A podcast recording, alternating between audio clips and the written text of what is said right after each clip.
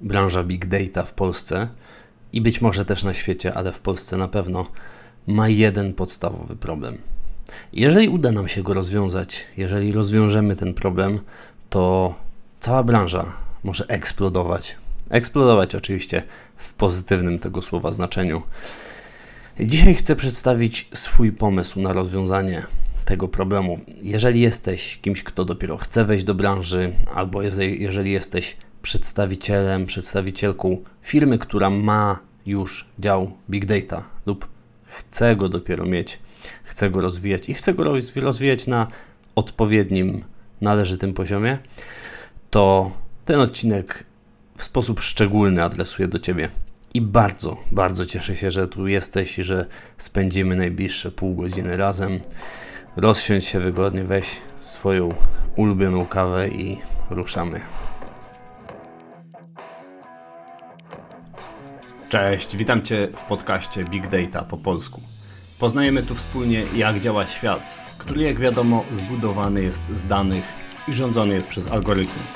Jesteś w dobrym miejscu. Jeśli interesują Cię technologie, biznes, społeczeństwo lub pogłębianie swojego potencjału, i to wszystko w kontekście danych.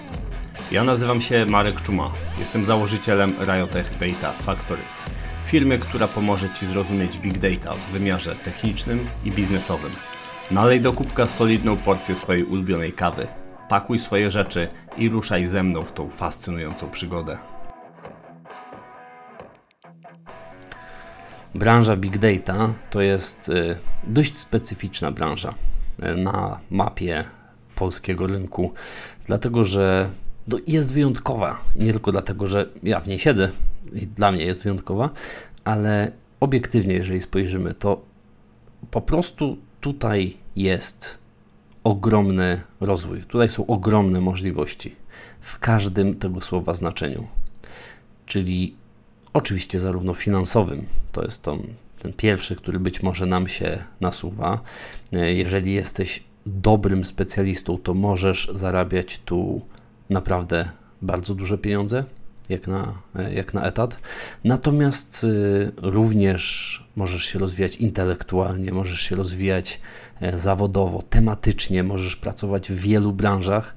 To jest motyw, który swoją drogą chyba mm, dość często pomijamy, że pracując w ogóle jako programista, e, ale w big data to już w taki dość dosadny sposób nie pracujemy w jednej branży. My pracujemy bardzo często na drodze naszego e, życia, rozwoju zawodowego pracujemy w bardzo wielu branżach. I to jest naprawdę fajne doświadczenie. Możemy dotknąć e, wielu różnych aspektów, zobaczyć wiele różnych tematów, w których trzeba wykorzystać te dane. I to jest na pewno kolejna rzecz taka wyjątkowa, jeśli chodzi o big data.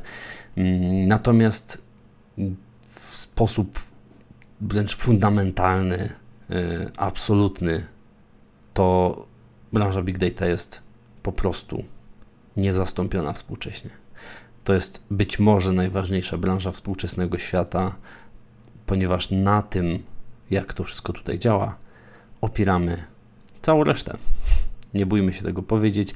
Big data stała się takim rdzeniem współczesnej rzeczywistości i gdzie byśmy nie spojrzeli, ja już w kilku odcinkach poruszałem ten problem, no nie, nie problem, to problematykę, gdzie byśmy się nie e, rozejrzeli, to branża Big Data tam siedzi w środku we wszystkich ważnych wydarzeniach, we wszystkich ważnych branżach, e, we wszystkich ważnych przemianach społecznych e, współczesnego świata.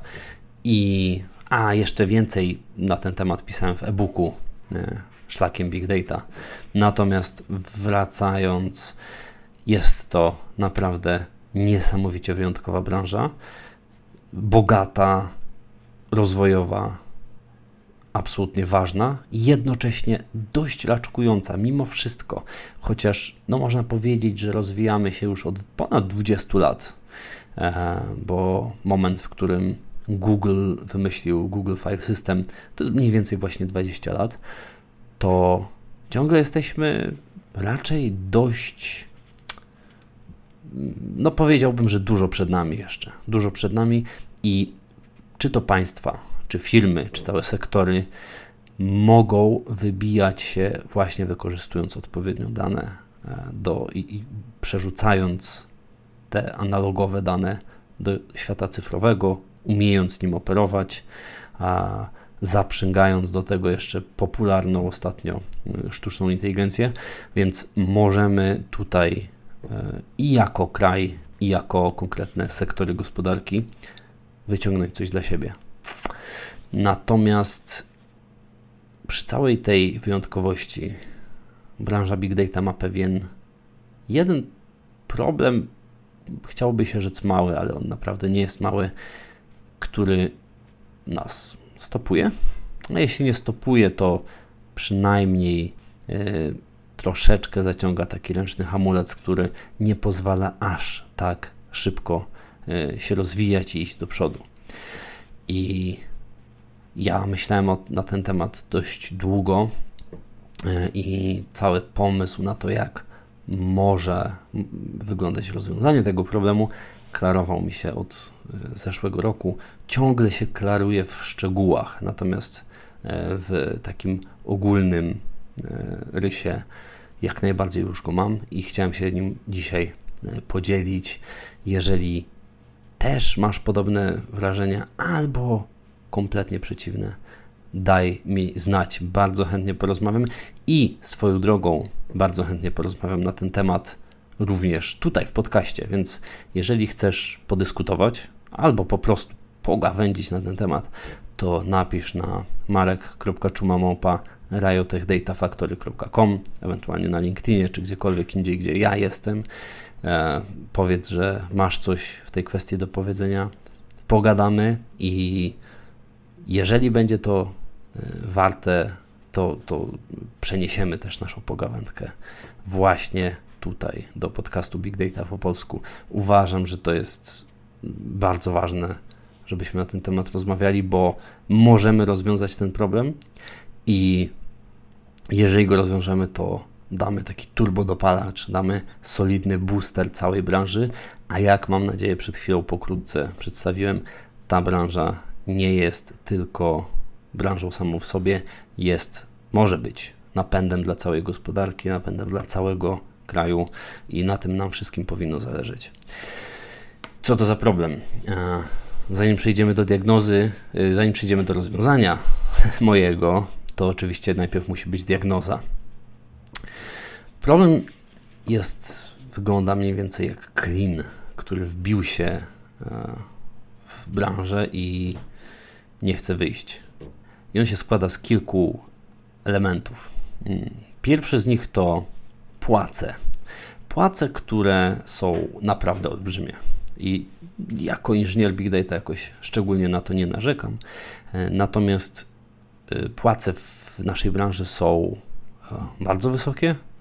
Natomiast to, co jest niepokojące, to że czasami są absurdalnie wysokie. Mówiąc absurdalnie wysokie, nie mam na myśli, że są wysokie, wyższe i jeszcze wyższe, tylko że nie przystają do tego, jacy, jak bardzo kompetentni są ludzie tutaj.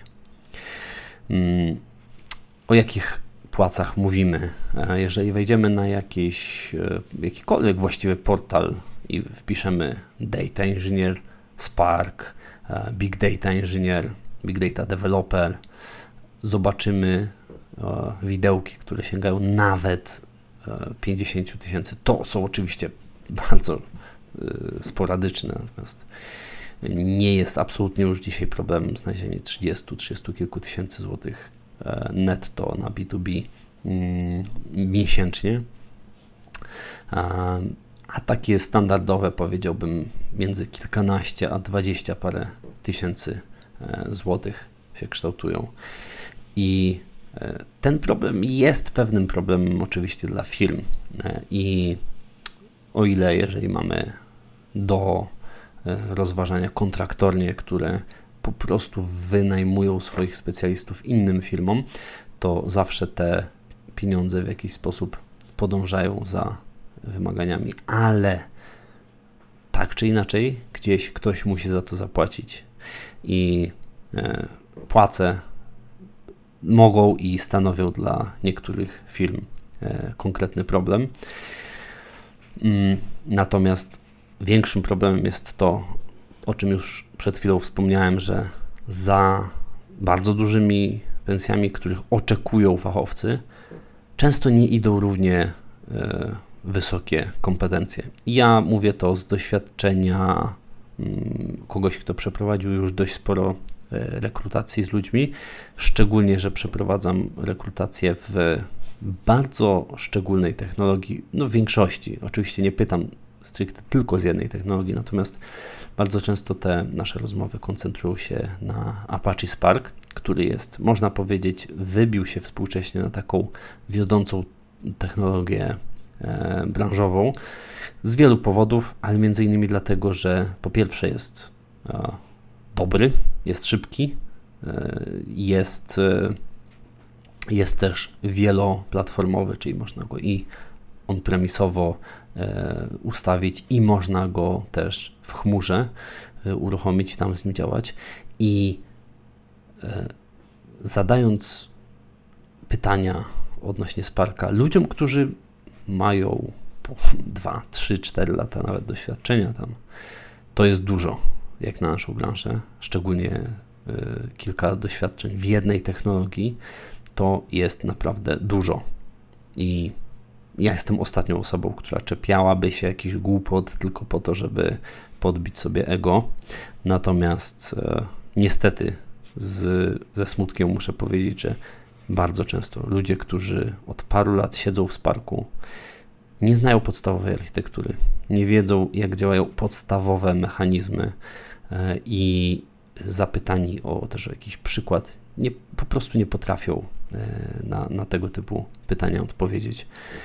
I to jest po prostu smutne, dlatego że e, ci ludzie wołają naprawdę duże pieniądze. I ja im się nie dziwię i życzę im jak największych pieniędzy, jak największych pensji. E, bardzo lubię, jak ludzie zarabiają dużo, natomiast lubię też, jak za tymi pieniędzmi idą konkretne, mm, konkretne umiejętności. I Dlaczego tak jest? Dlaczego te płace są tak duże, a kompetentnych fachowców? Oczywiście nie chcę generalizować, jest, jest też bardzo dużo świetnych fachowców. E, mamy bardzo dużo inżynierów, którzy są znakomici, ale jednocześnie jest też wielu, którzy są w najlepszym razie przeciętni, a zarabiają ponadprzeciętnie. I pytanie, dlaczego tak jest? E, I tutaj przychodzi E, odpowiedź, z odpowiedzią kolejny problem tej branży, czyli jest mało ludzi. Po prostu na rynku jest mało ludzi i nie ma w kim e, wybierać. Po prostu rekruterzy mają problem ze znalezieniem kompetentnych ludzi. W ogóle mają problem ze znalezieniem jakichkolwiek ludzi, bo ich jest najzwyczajniej w świecie mało i firmy muszą się bić o nich. Każdy, kto ma kilka lat doświadczenia w branży, jest zasypywany ofertami. Ja wiem, co mówię. Ja naprawdę wiem, co mówię. Tych ofert jest mnóstwo. E, I firmy robią, co mogą. Od e, pensji, które są bardzo duże, bardzo wysokie, aż przez rozmaite benefity, które e, no, starają się firmy zrobić, co mogą. I tych ludzi jest naprawdę niedużo. Pytanie, dlaczego ich jest niedużo? Bo to, że jest niedużo ludzi, y, tłumaczy i y, problem z, płacami i problem z kompetentnymi fachowcami. No bo jak jest niewielu ludzi, to a, a są potrzebni, to płace siłą rzeczy idą w górę. Natomiast jeżeli jest tych ludzi niedużo, a sanie jest ogromne, to każdy z tych ludzi wie, że i tak prędzej czy później będzie miał robotę. Nie musi się jakoś szczególnie starać i może po prostu jakoś płynąć sobie po powierzchni. Ja nie mówię o jakichś skrajnościach, nie mówię tutaj o ludziach, którzy kompletnie nic nie umieją, natomiast mówię tutaj o e, nastawieniu takim, byle przetrwać. Mm. I nie byłoby to możliwe, gdyby e, ludzi w branży było znacznie więcej. E, siła konkurencji byłaby e, znacznie większa i każdy, kto chciałby zarabiać dużo, musiałby udowodnić swoją wartość. I tu przechodzimy do kolejnego problemu, ostatniego już w tym naszym klinie, mm, czyli podejściu do nowych ludzi. Każdy, kto chce wejść do tej branży, wie, jak trudno jest się tu znaleźć. I jest to paradoks. To jest paradoks, że z jednej strony płace są ogromne, z drugiej strony e, firmy mają problem ze znalezieniem ludzi, bo jest ich niewielu. E, jeżeli już znajdą, to bardzo często są to e, inżynierowie, którzy nie mają takiej metodycznie ułożonej wiedzy, a jednocześnie bardzo ciężko jest wejść do tej branży. I to jest moja diagnoza. Clean na naszym rynku, e, który powstał, blokuje tą branżę przed rozwojem po prostu blokuje tą branżę przed rozwojem, dlatego że y, nie ma takiego parcia na to, żeby stawać się coraz lepszym i jednocześnie nie ma też najzwyczajniej w świecie paliwa, nie ma wystarczająco dużo sił przerobowych, żeby robić, żeby tworzyć, żeby rozwijać. I tutaj przechodzimy do mojej propozycji rozwiązania tego problemu. Najpierw przedstawię to w taki uproszczony sposób, a potem zacznę dopracowywać. E, nie chcę dzisiaj sprzedawać Ci jakiejś złotej pigułki na wszystko, dlatego opowiem też o potencjalnych problemach, opowiem jak się przed nimi częściowo zabezpieczyć i porozmawiamy też o tym, co jeśli się nie uda. Hmm? E, ok, no to zacznijmy od tego uproszczonego rozwiązania, a potem rozłóżmy sobie to na czynniki pierwsze. Więc moje uproszczone rozwiązanie jest naprawdę bardzo proste. Skoro mamy problem z płacami, mamy problem z tym, że ludzie nie chcą się rozwijać, że nie chcą e, poznawać technologii w sposób metodyczny, mm, jeżeli jest mało ludzi, to po prostu dopuśćmy więcej osób. Wpuśćmy, to jest naprawdę y, bardzo proste. Wpuśćmy do branży dużo osób, które po prostu są zainteresowane dotarciem do tej branży. Do, w tym momencie już są ludzie, którzy chcą wejść i nie, jest im trudno po prostu, ale są też ludzie, którzy nie wiedzą jeszcze, z czym to się tak naprawdę je. I my powinniśmy wyjść naprzeciw i powiedzieć im, opowiedzieć, jak wygląda ta branża, opowiedzieć im, jak e, tutaj się pracuje, jakie kompetencje powinni zdobywać, e, czego lepiej unikać, dlaczego to jest fajne. I powiedzieć: Cześć, zapraszam Cię, przyjdź do nas, porozmawiajmy i pójdźmy razem w ogień. Jeżeli byśmy wykonali taką pracę, to dopuszczając setki, tysiące, może nawet kilkanaście tysięcy osób, a może nawet w najśmielszych e, wizjach dziesiątki tysięcy nowych osób, kompletnie przebudowalibyśmy całą branżę w sposób moim zdaniem pozytywny, czyli dużo większa konkurencja doprowadziłaby do tego, że ludzie, ci, którzy są seniorami i midami, e, ale przede wszystkim seniorzy, naprawdę byliby seniorami i oni naprawdę zarabialiby dużo i to jest dobrze. E, ludzie, którzy są doświadczeni, którzy mają umiejętności, zarabialiby bardzo dużo, ale mieliby też bardzo duże umiejętności. Mielibyśmy seniorów z krwi i kości. Jednocześnie mielibyśmy dość spory segment e, midów, ludzi ze średnim doświadczeniem, ze średnimi umiejętnościami, którzy są bardzo potrzebni którzy są niezwykle potrzebni, ale nie firmy nie musiałyby na nich wykładać aż tak dużych pieniędzy. Jednocześnie, powiedzmy to sobie szczerze, wprost, jak na nasze warunki, to ciągle będą spore pieniądze, tylko po prostu będą przystawać do tego, co ci ludzie e, chcą robić, bo nie każdy musi być przecież świetnym ekspertem od wszystkiego, mm, tylko trzymajmy się pewnej rzeczywistości i E, mielibyśmy też bardzo dużo osób, które chcą się uczyć, są głodne, chcą e, zdyscyplinowane, potrafią ciężko pracować. I oni e, daliby nowe paliwo do pracy, daliby nowe paliwo do kolejnych projektów. firmy nie musiałyby się też tak zabijać podczas rekrutacji o mm, fachowców. No dobrze, tylko pytanie, jak dopuścić więcej osób? E, no i przede wszystkim zdaję sobie sprawę z tego, że jest duży opór mentalny w naszym środowisku, e, jest duży opór w firmach i tak, rozumiem to, zgadzam się, ten opór jest uzasadniony, dlatego że osoba niedoświadczona, junior albo nawet beginner, czyli ktoś, tutaj uprośmy sobie beginnera jako e, kogoś, kto dopiero zaczyna poznawać branżę i trzeba go w niego mocno zainwestować. No właśnie, trzeba w niego mocno zainwestować, a inwestycja, jak wiadomo, zawsze wiąże się z ryzykiem. I to są potencjalne problemy. Jest, są, wiążą się z tym potencjalne problemy, e, z takim szerokim wpuszczeniem do, e, na rynek.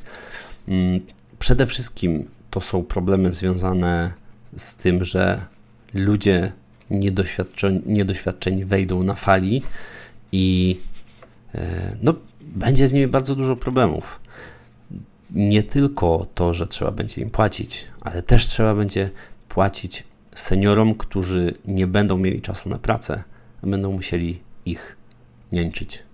E, to są problemy i ja zdaję sobie z tego sprawę, ale możemy się przed tym w dużej mierze zabezpieczyć i chciałbym tu opowiedzieć o kilku stopniach dopuszczenia, e, kilku stopniach rozwiązania tego, jak można podejść do człowieka, który chce wejść do branży, ale nic o niej nie wie albo sam się chce douczyć. I zacznijmy od takiego najwyższego szczebla, takiego, że idziemy na całość, inwestujemy szerokim strumieniem. W tym przypadku możemy e, zamówić albo zorganizować ogólnie szkolenie od zera, od kompletnego zera dla osób, które nic nie wiedzą. Mają tylko doświadczenie w IT, w programowaniu, w Linuxie, w bazach danych, zgrubne doświadczenie, ogólnie wiedzą o co chodzi, mieli na studiach, ok? I my takie osoby bierzemy i szkolimy je. E, pokazujemy im, na czym polegają konkretne technologie, pokazujemy im, e, jak działają projekty komercyjne, jak wygląda nasz świat. Robimy to w sposób przemyślany, metodyczny i e, z mojego doświadczenia powiem, da się zorganizować takie szkolenie i takie szkolenie może w ciągu półtora miesiąca, dwóch miesięcy doprowadzić do tego, że ktoś, kto nie miał styczności z big data, wchodzi do branży, wchodzi do projektu i jest wartościowym pracownikiem. I to jest doświadczenie komercyjne. Um, natomiast to jest taka opcja dla tych firm, które są, dla tych menedżerów, którzy są naprawdę odważni, zdecydowani i biorą e, lejce bardzo mocno w garść. Natomiast zdaję sobie sprawę, że niekoniecznie każdy, każda firma chciałaby coś takiego zrobić, że nie każdą firmę stać na to, bo a zamówienie szkolenia e, z zewnętrznej firmy kosztuje, B zorganizowanie wewnątrz też kosztuje, C jak to zrobić w ogóle, jeżeli organizujemy to, jak to zrobić, trzeba mieć pewne know-how, trzeba wiedzieć, jakich błędów unikać, e, więc jest z tym sporo roboty i jest z tym sporo kosztów, ale można też zaprosić te osoby, które mają swój własny background, po czym przygotować pewne, powiedzmy, parotygodniowe takie dokształcenie, doszkolenie. Czyli bierzemy ludzi, którzy na rozmowę rekrutacyjną, e, którzy mają e, coś swojego już, którzy mają pierwsze doświadczenie, chociaż nie musi być komercyjne, i sprawdzamy, jakie mają problemy. Szukamy tych ich głównych e, punktów, w których mogą się nie sprawdzić, po czym my przygotowujemy takie delikatne dokształcenie, dopracowanie tych rzeczy, żeby można było z nimi wejść już w projekt. I mm, kolejna, kolejny etap to zaprosić po prostu te osoby, które już coś potrafią, ale jeszcze nie są midem. tak?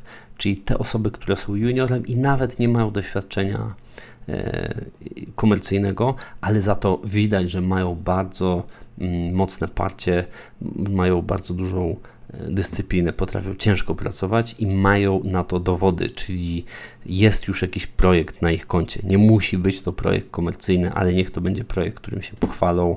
E, nawet można tutaj poprosić, żeby przygotowały takie osoby prezentację z tego projektu, jeżeli to jest coś większego. E, mają na swoim koncie kursy, szkolenia, mentoring, e, mają jakiś swój prywatny projekt, a może z kimś zrobiły. Jeżeli mamy kogoś takiego, kto widać, że bardzo mocno samemu się przygotował, e, samodzielnie i ma coś, z czym może przyjść, pokazać, to zdecydowanie taką osobę warto rozważyć i zdecydowanie warto też pamiętać, że no ona ciągle musi przejść przez to sito rozmowy rekrutacyjnej, więc to nie jest tak, że bierzemy kogoś w ciemno dlatego, że ma fajne CV, tylko niekomercyjne. E, widzimy, że ktoś dołożył starań, a jednocześnie zadając normalne techniczne pytania, upewniamy się, że ta wiedza jest ułożona w głowie. I to są takie stopnie rozwiązania, gdzie można spróbować jedną osobę na samym początku dopuścić, zobaczyć, czy ona się sprawdzi w projekcie.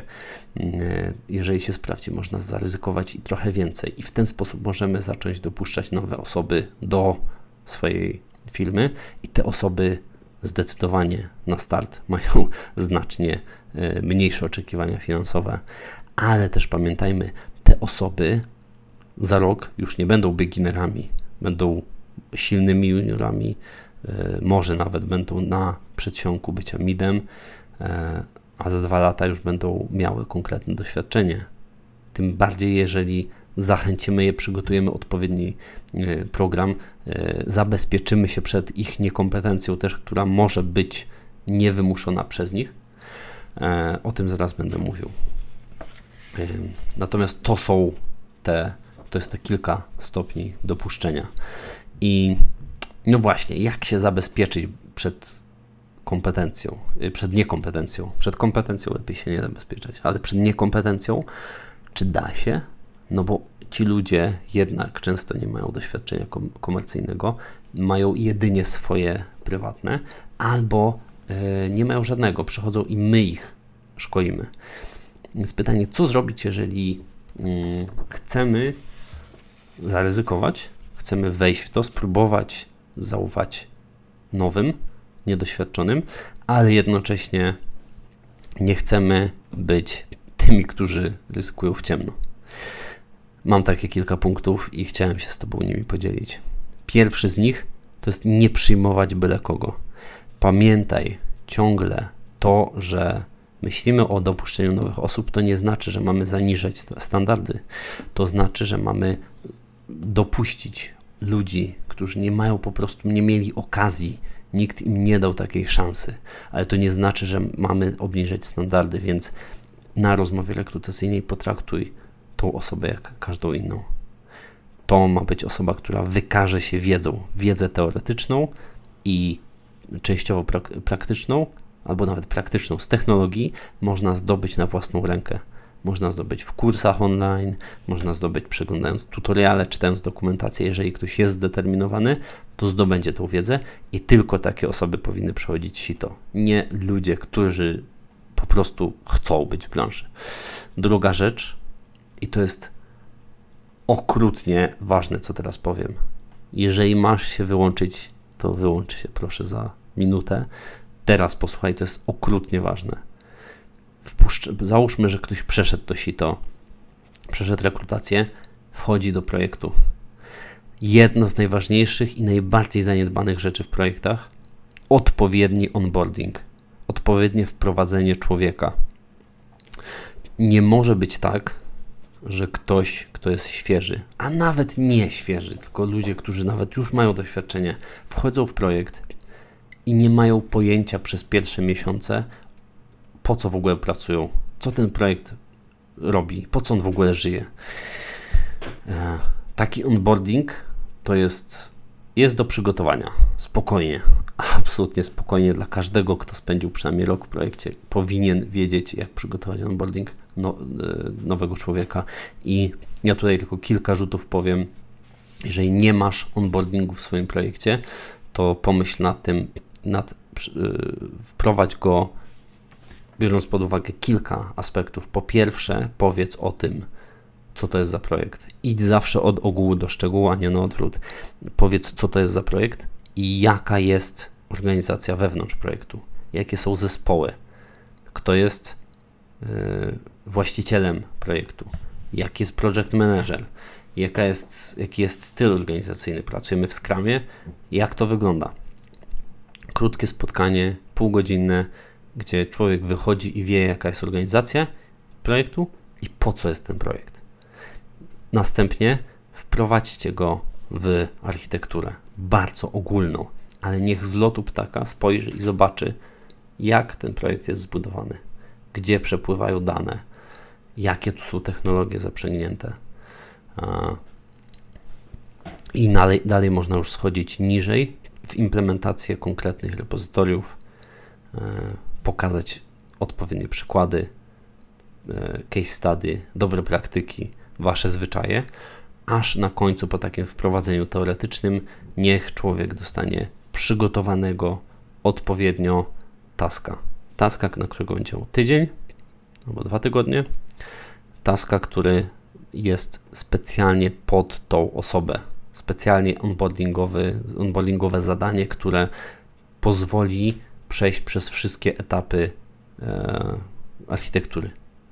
I z takim onboardingiem człowiek po dwóch, trzech tygodniach może być już gotowy do pracy i zaoszczędzi to mnóstwo frustracji człowiekowi, nowemu pracownikowi, mm, wiele miesięcy beznadziejnej roboty. Będzie mógł robić odpowiednią robotę, a nie kleić to tu, to tam jakieś rozwiązanie z księżyca.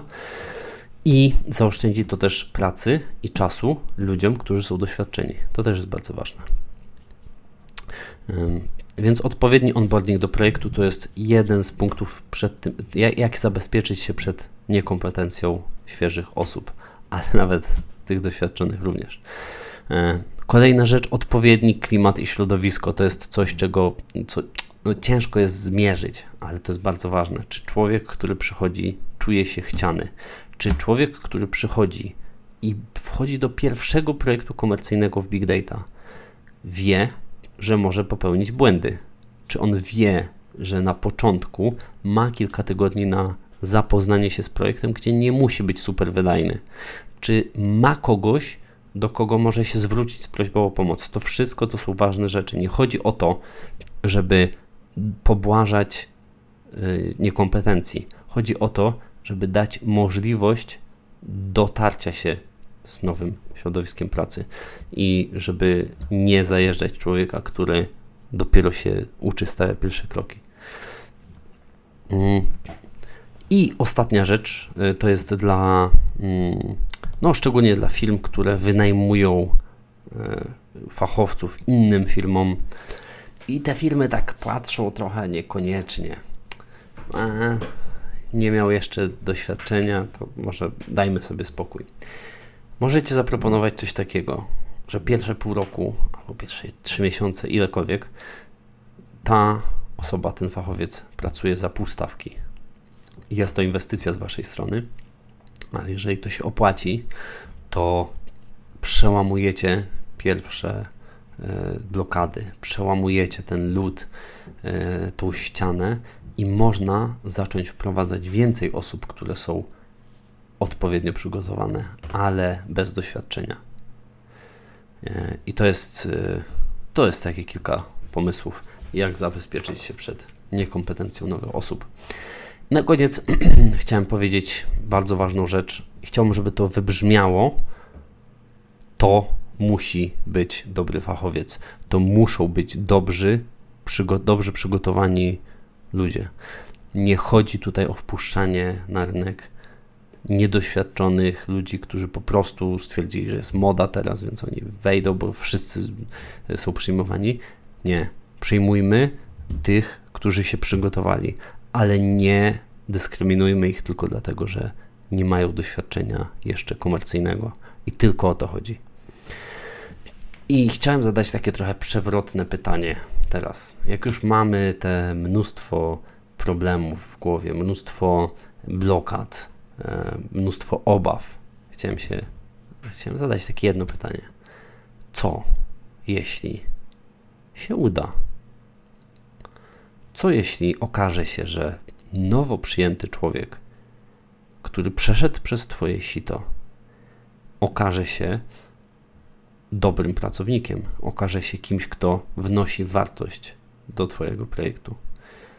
A mogę Ci powiedzieć z doświadczenia, że znam ludzi, którzy nie wiedzieli nic o Big Data i po dwóch miesiącach zaczęli wnosić wartość dodaną, nie po prostu być, wyrabiać roboczo godzinę, tylko wnosić wartość dodaną do projektu.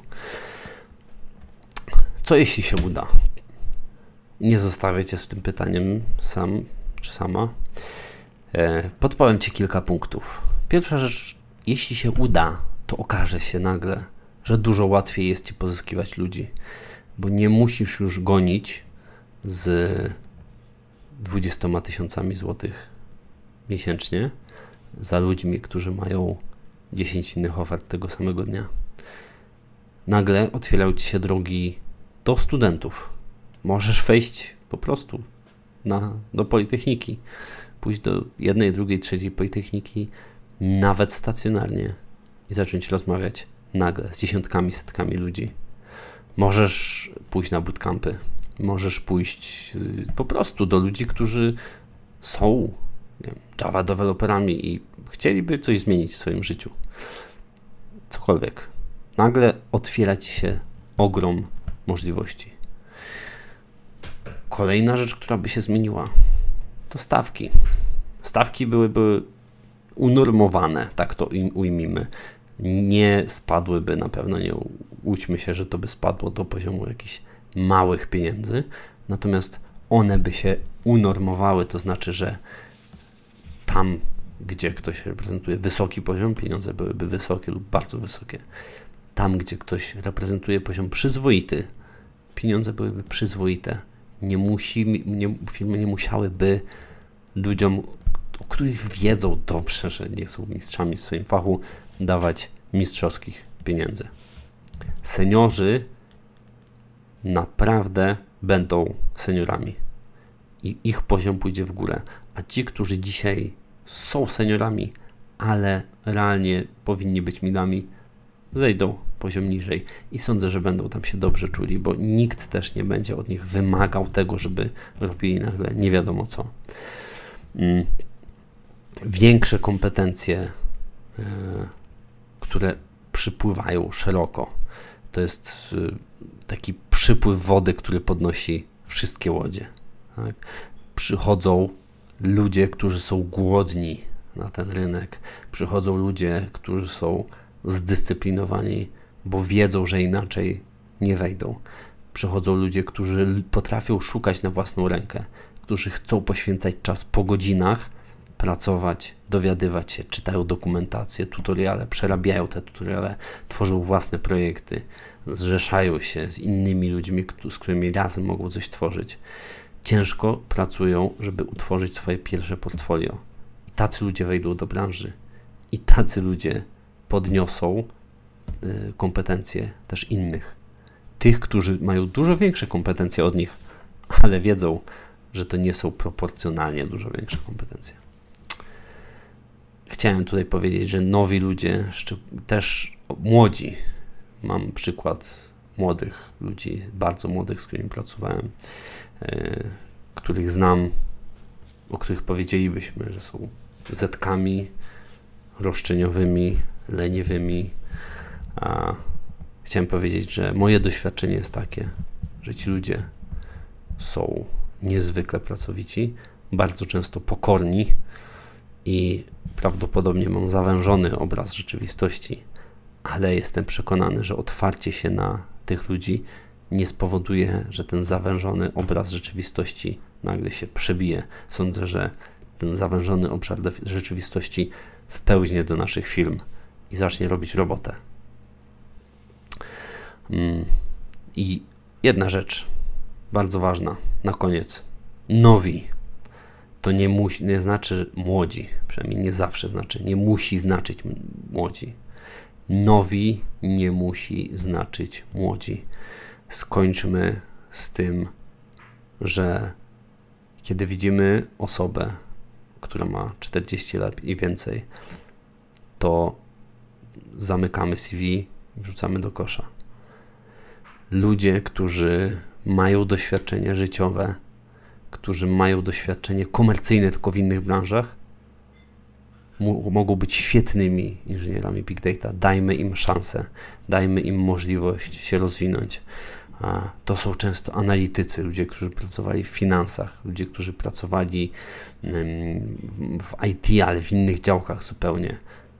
Nie wolno ich dyskryminować tylko dlatego, że są, chciałem powiedzieć starsi, ale to jest absurdalne mówić o e, ludziach 40, plus, że są starsi.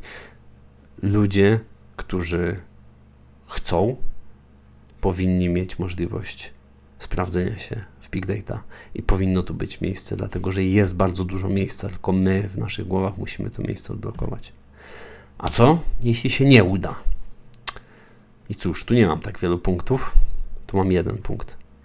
Co jeśli zatrudnisz kogoś i okaże się, że jest słaby? Cóż, trudno. Właściwie to, wiesz co, to nic się nie stanie.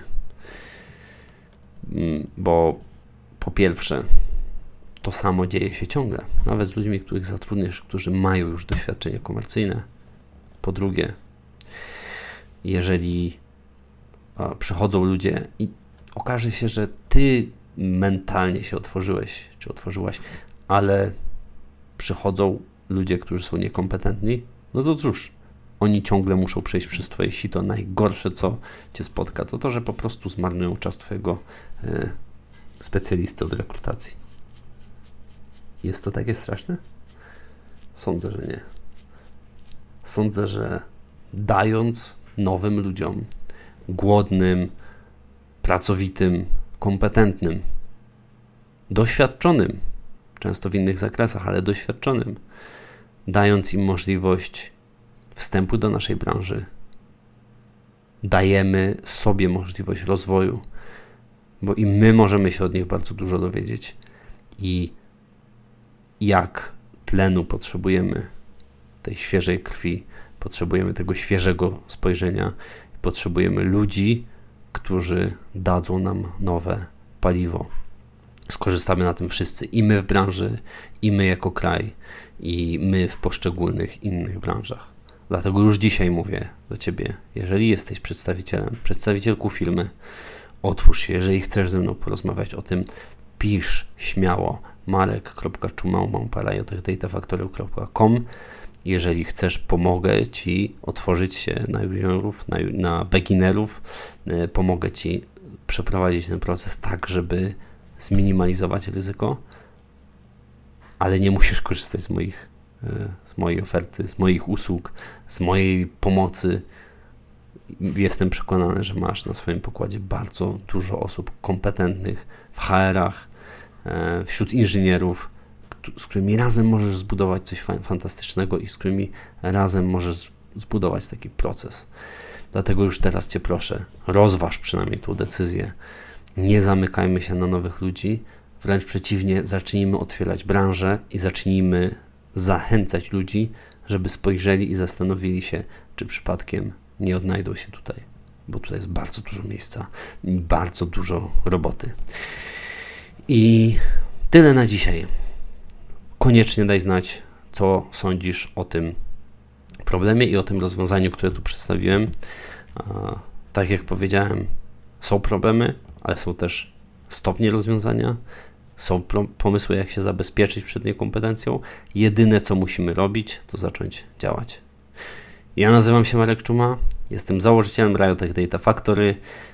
Dziękuję Ci za ten czas. Dziękuję Ci za te trzy kwadranse, które tu razem ze mną spędziłeś czy spędziłaś. Bardzo się cieszę. Życzę Ci miłego dnia, miłego wieczoru, gdziekolwiek nie jesteś. Trzymaj się. Do usłyszenia za dwa tygodnie. Zapraszam na bloga, na news, newsletter. Zapraszam do kontaktu. Trzymaj się, cześć.